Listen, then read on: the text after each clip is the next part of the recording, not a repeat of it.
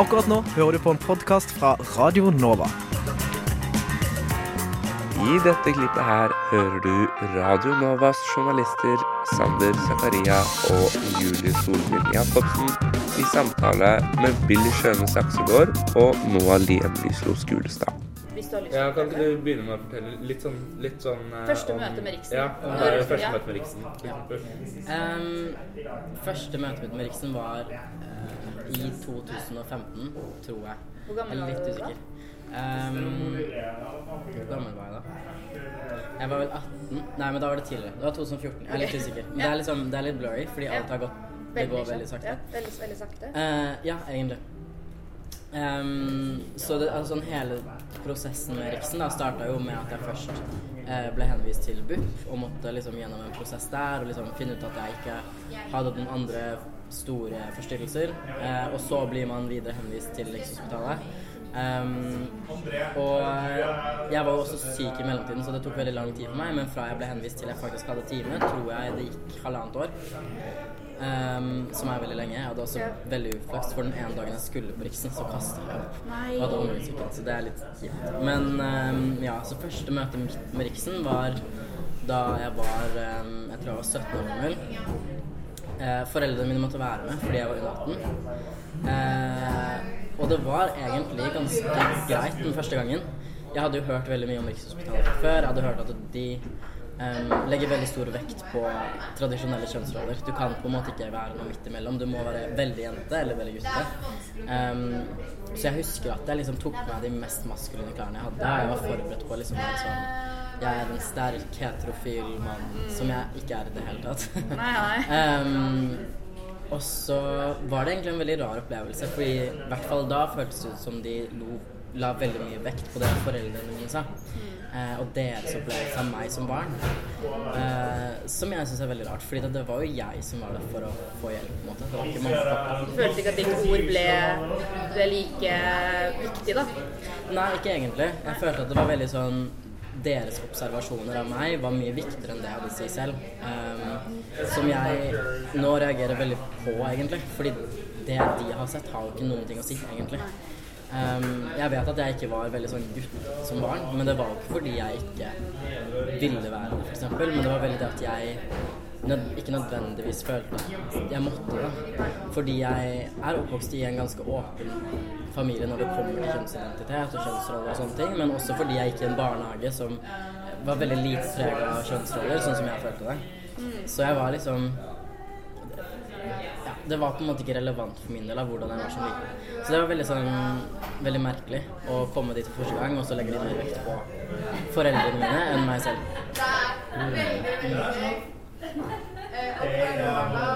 Skal jeg Men um, du sier Altså, de fokuserer veldig på på eh, kjønns... Altså de liksom tradisjonelle kjønnsrollene. Har du opplevd det samme, Billy, eller? Definitivt. Første gangen jeg var der, så var det vel liksom øh, Ble jo oppfordret til å liksom Rett på blondeundertøy og kjole, og det var liksom Det var en veldig sånn enten-eller øh, Litt sånn konservativ, da? Ja, veldig. Og det var liksom ikke Det var ikke rom for egentlig på en måte at kvinner kunne være noe mer enn en stereotypi, egentlig. Da, ikke sant? Uh, så jeg opplevde egentlig det samme med at Fordi da jeg kom første gangen, så var jo ikke jeg Man er jo på en måte sånn livredd og veldig ny i på en måte hele opplevelsen, ikke sant? Eh, så når man kommer, så er det vel egentlig det man vil høre, er at på en måte, du er god nok, og det, dette ordner seg. på en Veldig sårbar. Ja, man er veldig sårbar. At man trenger liksom Man vil vel kanskje heller høre bare at dette får du til, og du trenger litt tid, og litt sånn. Istedenfor så er det sånn kapper hånda av deg, og det er på en måte Du må der nå, liksom. Eh, for å få hjelp, da. Og det er vel noe jeg opplevde som egentlig veldig Så folk må spille en rolle. Ikke sant, ikke sant, definitivt. Så det blir jo veldig til at man tar den på en måte det, Ja, man Jeg tror man jo kanskje setter seg selv i en litt sånn vanskelig posisjon også fordi man må innfri, føler man, en periode.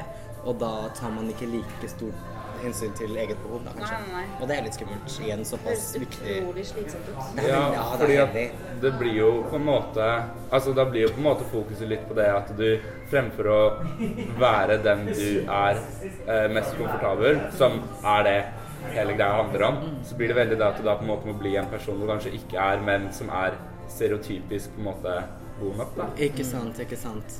Og jeg, altså det er noe jeg kjenner, ser veldig ofte. Nå vet ikke jeg om det har blitt bedre nå enn det det var før. Uh, jeg tror det har blitt litt bedre, men det kan jeg ikke si noe om, fordi jeg er, veldig, jeg er nesten ikke på Riksen lenger. Men um, jeg husker i hvert fall at før jeg begynte, så var det veldig mange som var sånn Ok, du kan aldri si det på Riksen, f.eks. Du kan aldri si at uh, du f.eks. liker litt feminine ting, da.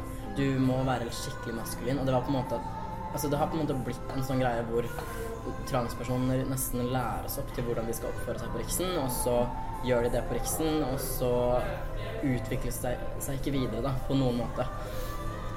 Det Ja. Dere kunne ikke være åpne om hvordan Nei. følelser overhodet, egentlig, og hva dere følte rundt. Ikke egentlig. Ja, nei, altså, jeg prøvde en gang. Uh, det var en gang jeg, jeg tror jeg sa liksom ja, Jeg føler meg jo egentlig ikke 100% maskulin. Altså, jeg er ikke 100% maskulin hele tiden. Nei, nei. Og da var det veldig sånn OK, men da må du ta en tenkepause, og så kan du komme tilbake om et halvt år. Ja, altså du setter liksom på prøve Eller sånn Ja. uh, Hva skal jeg si? Du risikerer at det tar lengre tid. Det, du risikerer Ikke bare risikerer du at det tar lengre tid, men du risikerer jo også at du ikke får behandling i det hele tatt. Ja. Um, og det er jo for veldig mange livsnødvendig, faktisk. Det kan få ganske fatale følger hvis man er ærlig og kommer med et svar som ikke på en måte passer inn i deres eh, syn på, eh, på kjønn, da, ikke sant? Og det, så det er liksom Så kjønnskunnskap er rett og slett noe de mangler. Rett og slett. Rett, rett og slett. Nå skal, ikke jeg, ja. ja, nå skal ikke jeg si det 100 sikkert, men min oppfatning da, og det jeg har hørt andre steder, er rett og slett det at ingen av de som jobber på Rikshospitalet har spesialisering innen f.eks. sexologi. da. Eh, som man f.eks. har andre steder, som på helsestasjonen for kjønn og seksualitet. Der har de spesialisering. Eh, så det er jo egentlig vanlige leger som blir kasta inn i det, eh, som ikke nødvendigvis er deres feil, selvfølgelig. Um, og så kan de ingenting om det, og så er de jo på en måte vant til at det er de som finner ut og diagnostiserer og finner ut at ok, dette er galt med deg, sånn kan vi hjelpe deg. Men det er jo klart at når man er trans, så er det på en måte ikke noe sikkert tegn. Da. Det er ikke sånn at de kan ta en blodprøve, og så er det sånn okay, det, å finne ut Er dere nok? Ja, det blir veldig sånn er, er du nok trans? Um, Men iblant så er det enten Iblant så er du enten Enten er du, så er du ikke. Det er ikke om det ikke er nok. Nei. Ikke sant, ikke sant. Eh, og jeg tror kanskje det er litt av hovedproblemet til Rikshospitalet, rett, Rikshospitalet, rett og slett, er at de ikke stoler nok på de som kommer. Fordi de snakker veldig mye om disse unge jentene som kommer og vil ha testosteron, ikke sant. Eh, og så er de redd for at de behandler masse, masse unge, unge jenter som, som bare er jenter. Da. Eh, som for det første er helt idiotisk å si, det er noe de har sagt selv. Eh, men jeg, sånn som jeg ser det, så stoler de ikke mer på de som kommer i 30-åra og er sånn Hei, jeg er trans, jeg trenger behandling. De stoler ikke noe mer på det. De bruker ikke noe kortere tid på å utrede de. Eh, og det syns jeg er ganske drøyt. At, eh, at de stoler såpass lite på det. Um, de stoler så, såpass lite på egne pasienter, rett og slett.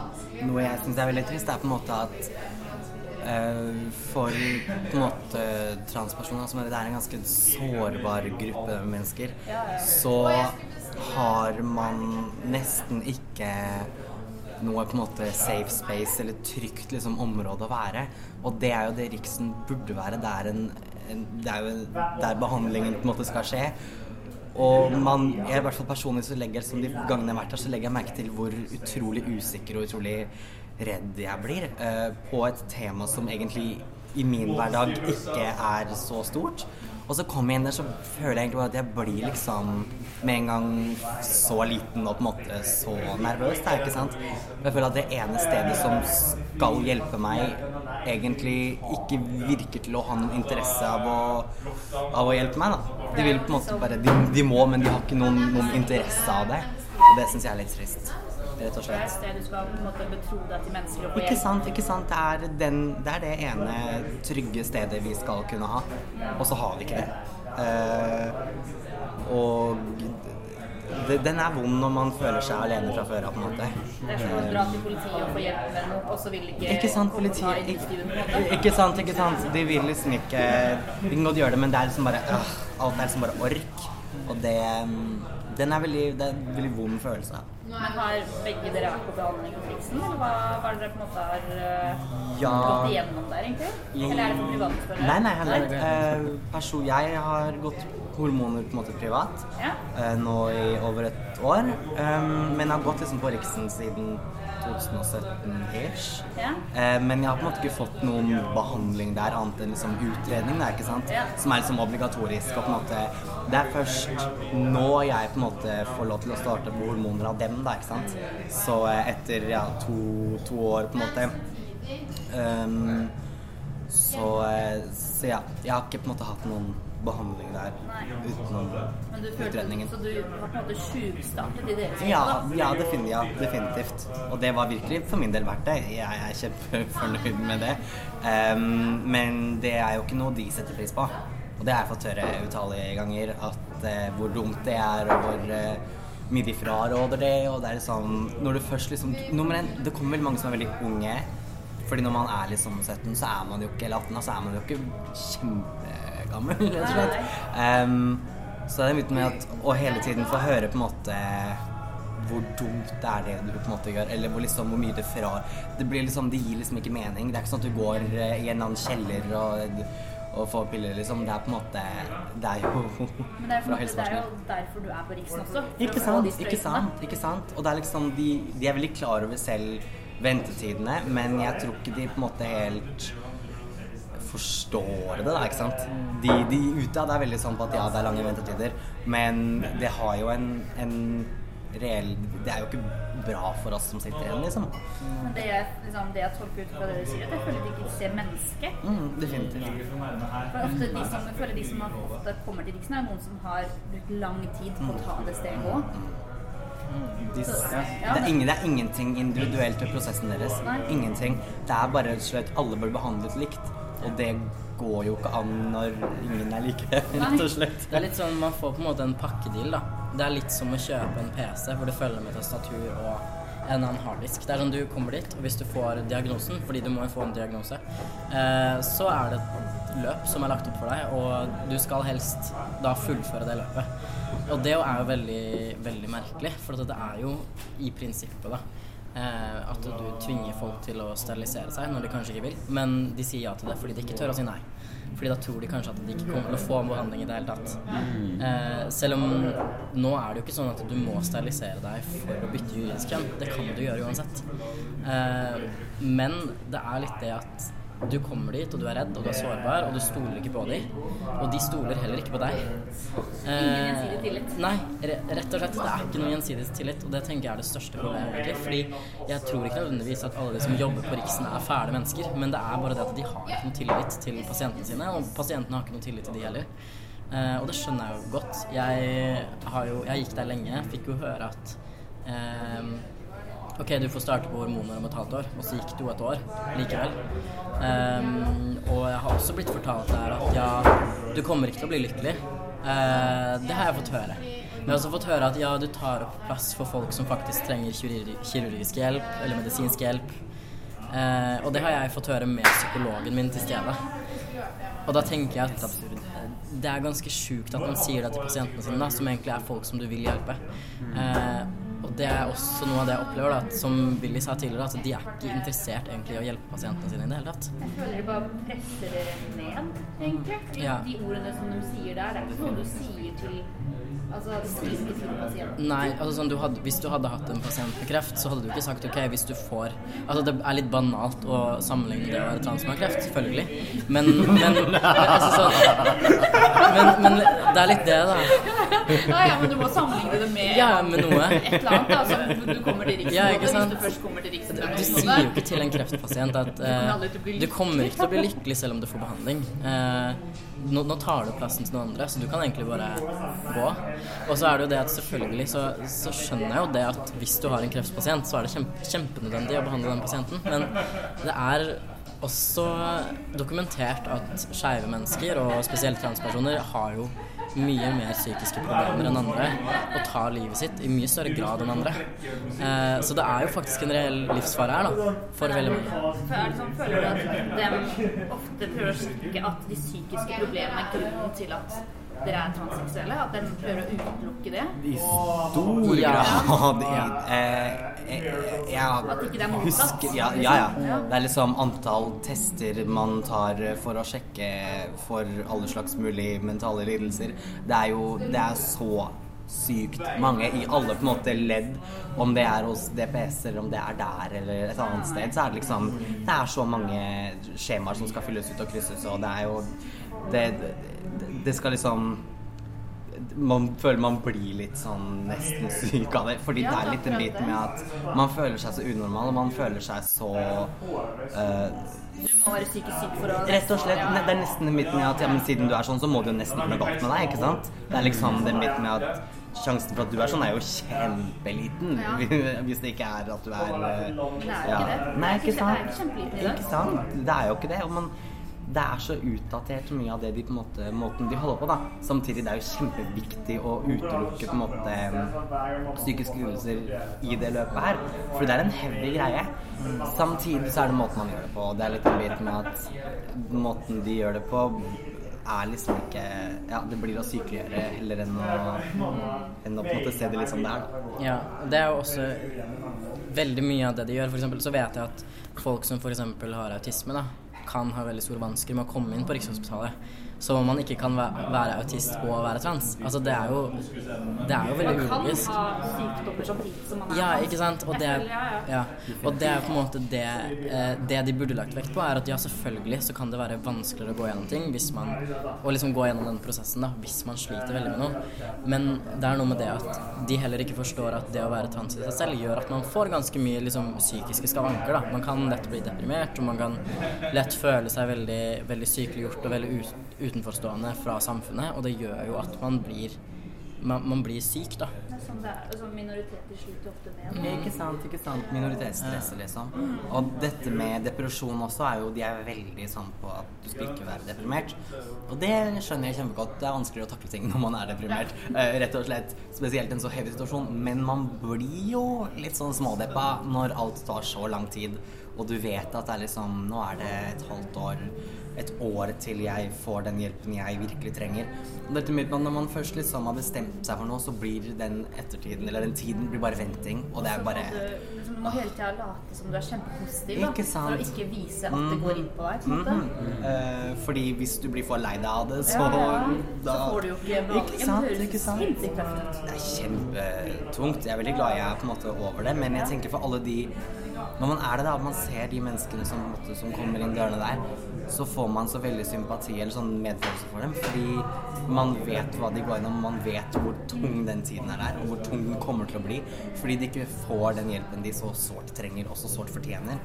Eh, Jeg føler vi er på en måte en gruppe mennesker som fremdeles en dag i dag blir på en måte neglisjert litt, da. Og det er litt, eh, litt trist, altså, rett og slett.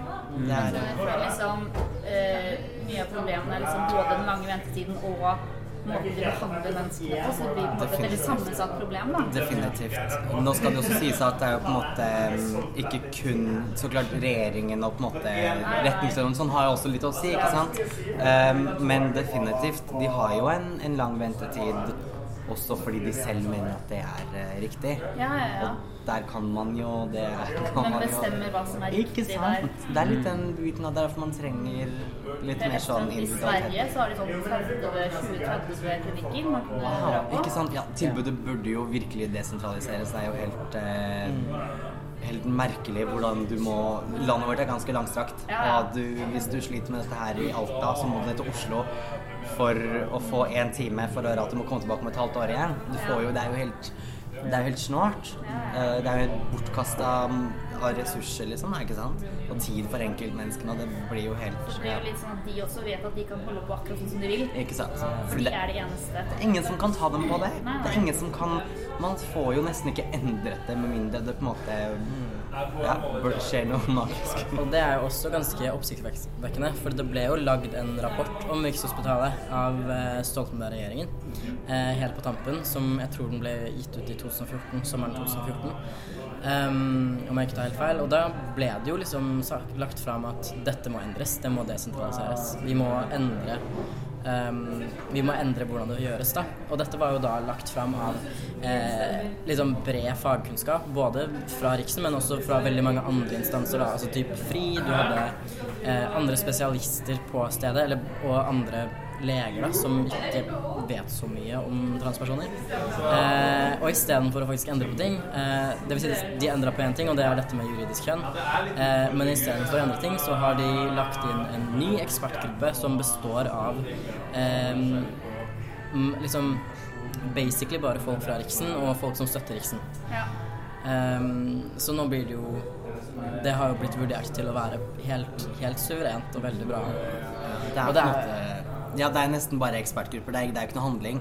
Det er jo bare ny utredning på nyheter. Eller sånn Man kommer liksom aldri fram til eh, noe, virker det som, da. Mm. Det er litt sånn Men når, når er sist gang dere var på Riksen nå? Det var det seneste i stad, faktisk. Ja, du er Mhm. fortsatt får behandlinger? eller? Sånn en gang hvert halvår. Så det er på en måte bare en sånn oppfølgingsrutinebit.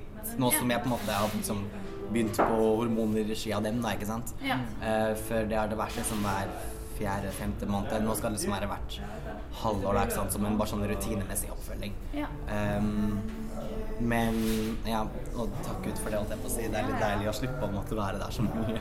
Ja, ja, ja. Eh, rett og slett. Mens du er ferdig på Riksen? Eh, nei, altså jeg er jo teknisk sett ikke Jeg tror Altså sånn teknisk sett så tror jeg ikke jeg er ferdig der før jeg har utført alt av operasjoner, og jeg vil jo ikke ha det mer. Nei? Eh, Du vil ikke det? ikke ikke foreløpig, nei. Nei? Ehm, hæ? Den. Nei, men du vil ikke operere? Ja, nei, ikke noe mer. For det, altså, det jeg har gjort, er at jeg har, jeg har gått på hormoner i to og et halvt år eh, i regi av Eriksen. Um, så det følges opp sånn en gang i halvåret ish. Um, I tillegg til samtaler, da. Eh, og så har jeg fjerna brystene, men det har jeg gjort privat. Rett og slett fordi det er lang ventetid der, men også fordi jeg har eh, hørt at de har sagt at de har, de har såpass lite kapasitet da, at de eh, i hvert fall til en jeg kjenner, har sagt at ok, bare gå og operer deg privat. Det går fint.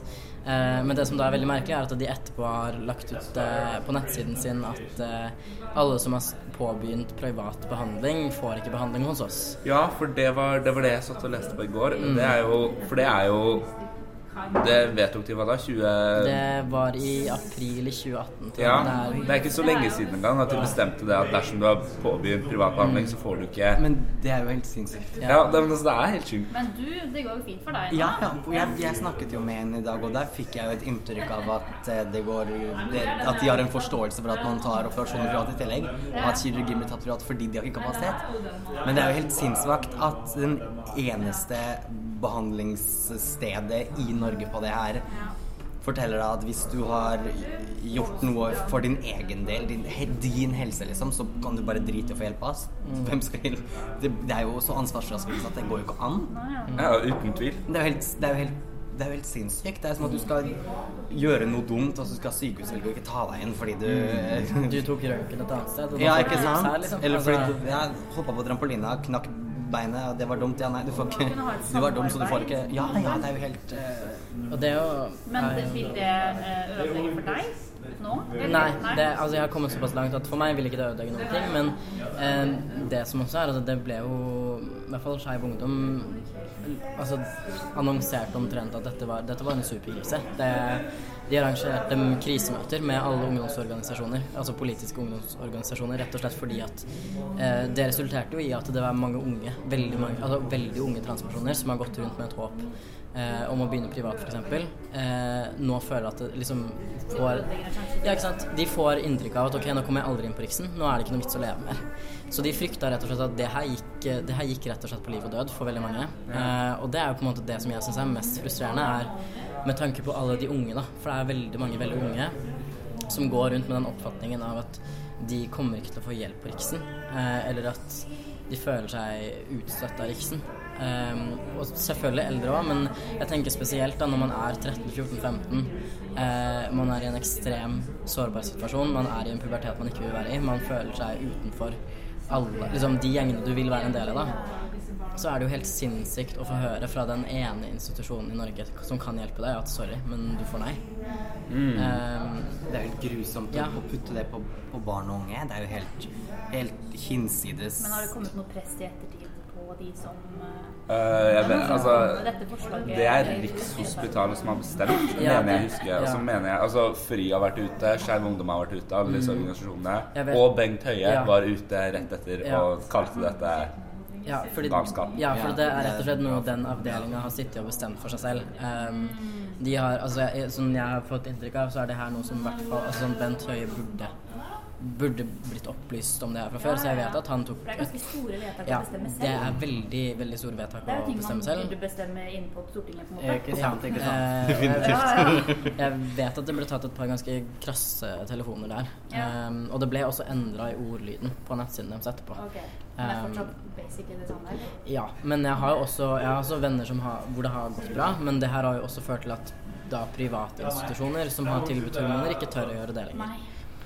Og Um, ja. ja, eller så blir det også til en bit med at det blir sånn Ja, men du kan være takknemlig for at nå, tar det, nå, vi tar deg inn allikevel, liksom. Ja. Det blir jo en litt sånn bit med at ja, du får bare være glad vi, vi tok deg inn allikevel, selv om Ja. du var 15 år og dreit deg ut. Og det er sånn Det går ikke an å liksom Det skal man jo det skal man være et forlange. Det er jo på en måte en rett. Og det er jo litt Ja. Det er den Jeg syns det er helt Helt Helt absurd at, eh, at det går an å straffe barn og unge på den måten.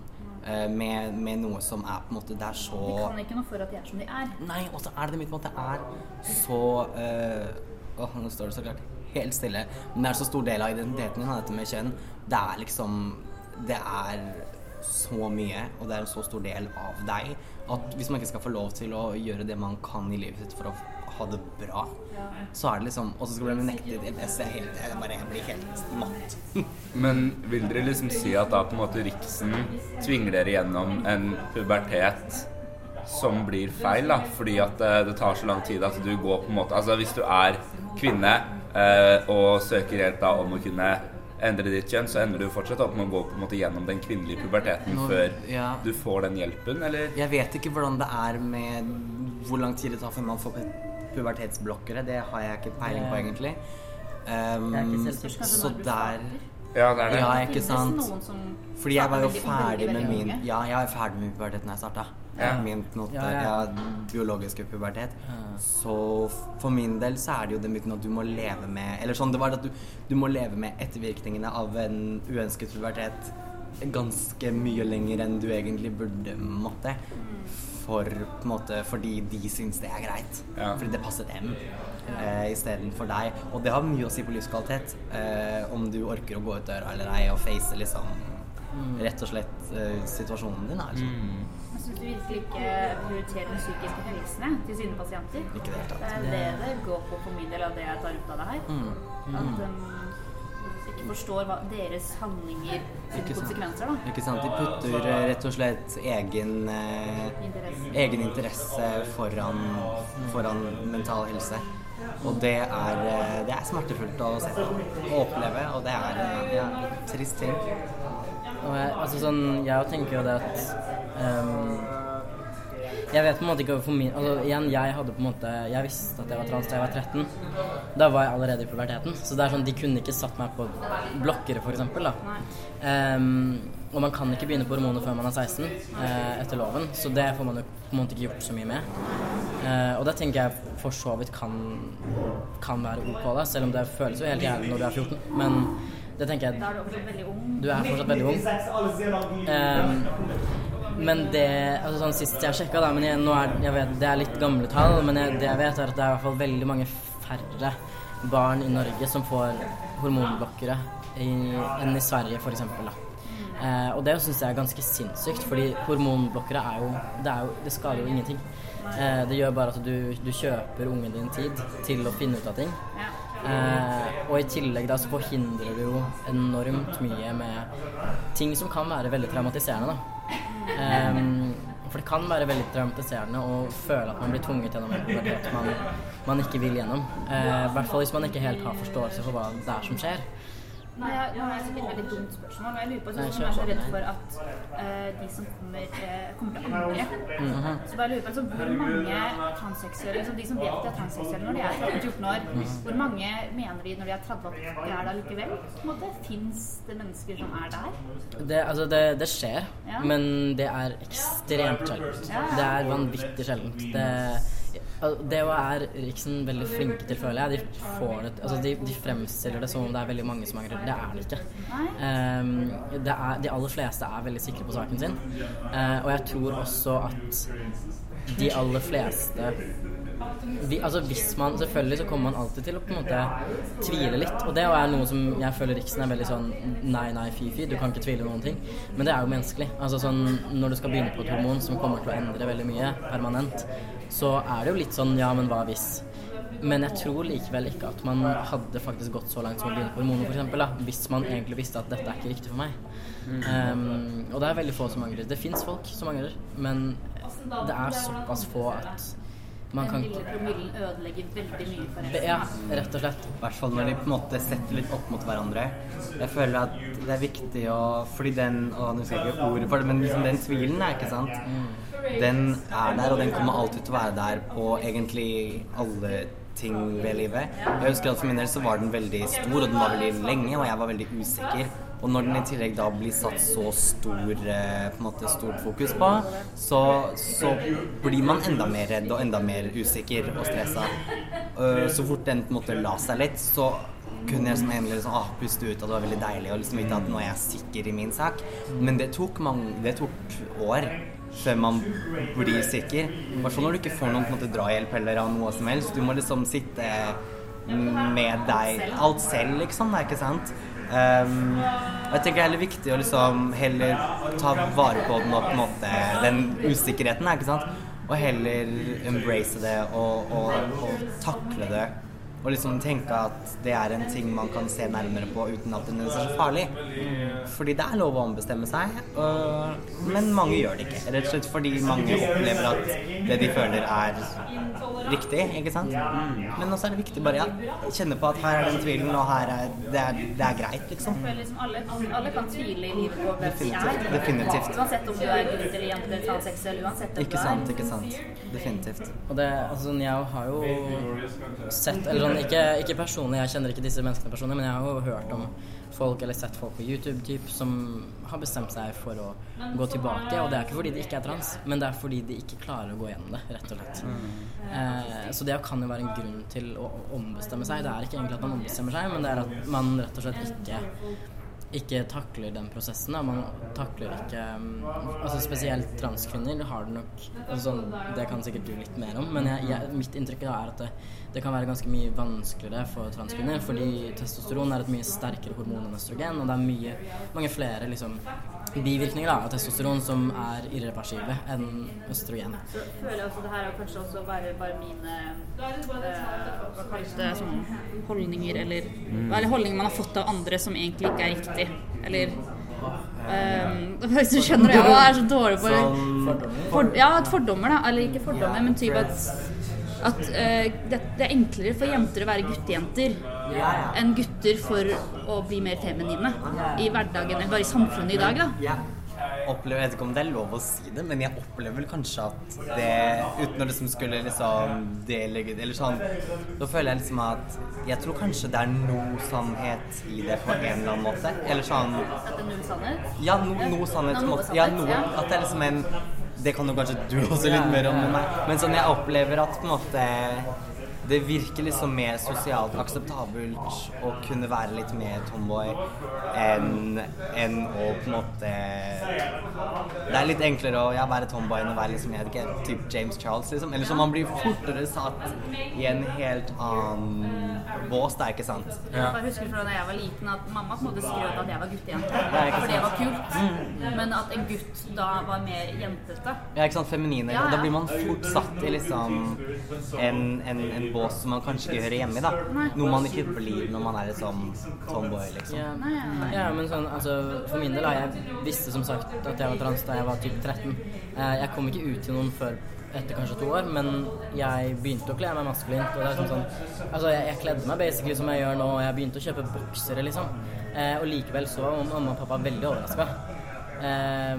og og det, det sier jo en del altså, altså, Hadde det vært omvendt, hadde jeg vært en gutt som hadde begynt å kjøpe stringtruser og begynt å kle meg som jente og begynte å sminke meg, så hadde de nok satt spørsmål med det mye tidligere.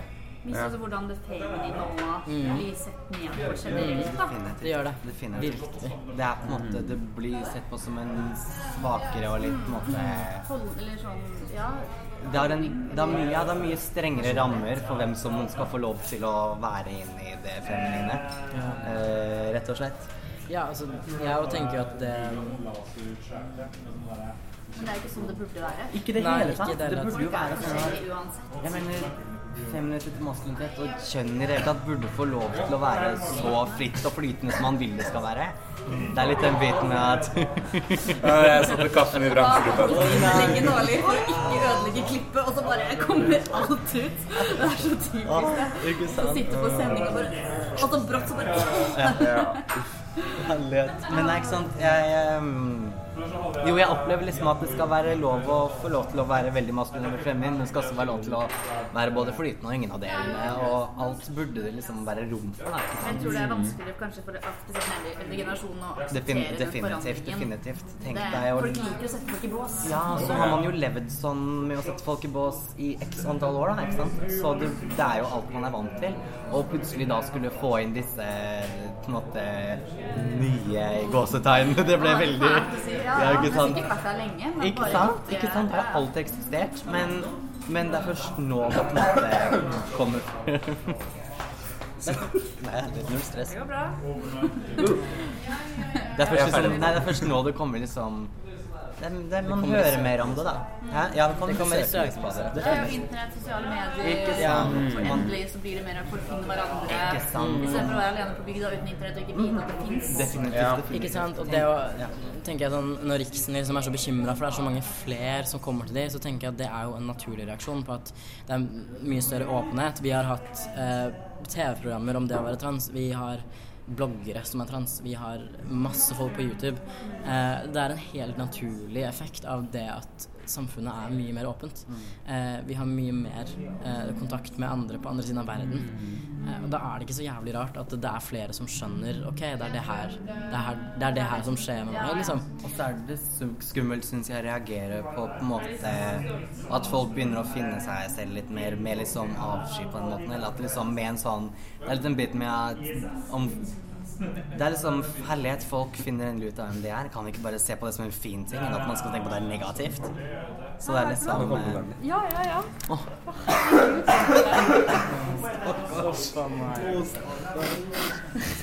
Um, nei, men jeg tenker uh, at nå har vi Vi har en jobb foran oss nå med å prøve å få en fjerdedel av dette her til å gi mening. Uh, men eh, eh, Utrolig, utrolig gøy. Uh, siste, siste, um, siste spørsmål kanskje er hvis, hvis dere kunne liksom se for dere at uh, sjefen på Rikshospitalet og Bent Høie sitter og hører på akkurat nå, altså hva hva ville dere kanskje Hva ville dere sagt? Hva er det som liksom er viktig for dere? Hva er det som endres med dette systemet? behandle oss med respekt, først og fremst. Putt oss og se på oss som individer og eh, på en måte mennesker med følelser, og at vi er sår, i en sårbar situasjon, heller enn at på en måte, de skal putte sin egen agenda først. da, Rett og slett. Det er min lille, litt, mitt lille hjerteskrik, rett og slett. Mm. Jeg tenker at det er superviktig først og fremst at, uh, at det desentraliseres. da, At man har tilbud der man bor. Uh, om ikke i hjemkommune, så hjemfylke i helseregionen. Det er kjempeviktig når det er folk som må reise så langt. Um, og I tillegg så syns jeg at de må bli så sinnssykt mye flinkere på dette med individuell behandling. Jeg skjønner at de ikke kan skreddersy en plan for alle, men jeg syns de burde se enkeltindivider mye bedre enn det de gjør. Uh, og ikke selge en pakkedeal, for at det fungerer for de aller færreste, rett og slett. Ikke sant? Og gjerne la det være et trygt rom for de som kommer, fremfor at man skal øve seg i forkant og, og i hvert fall lyve og liksom la det heller være trygt og godt. Og så kan man få senke skuldrene og bli sett på som at man ikke er gæren. Så mer ressurser til hver enkel eh, pasient. definitivt, definitivt. Mm. Faktisk. Tusen takk.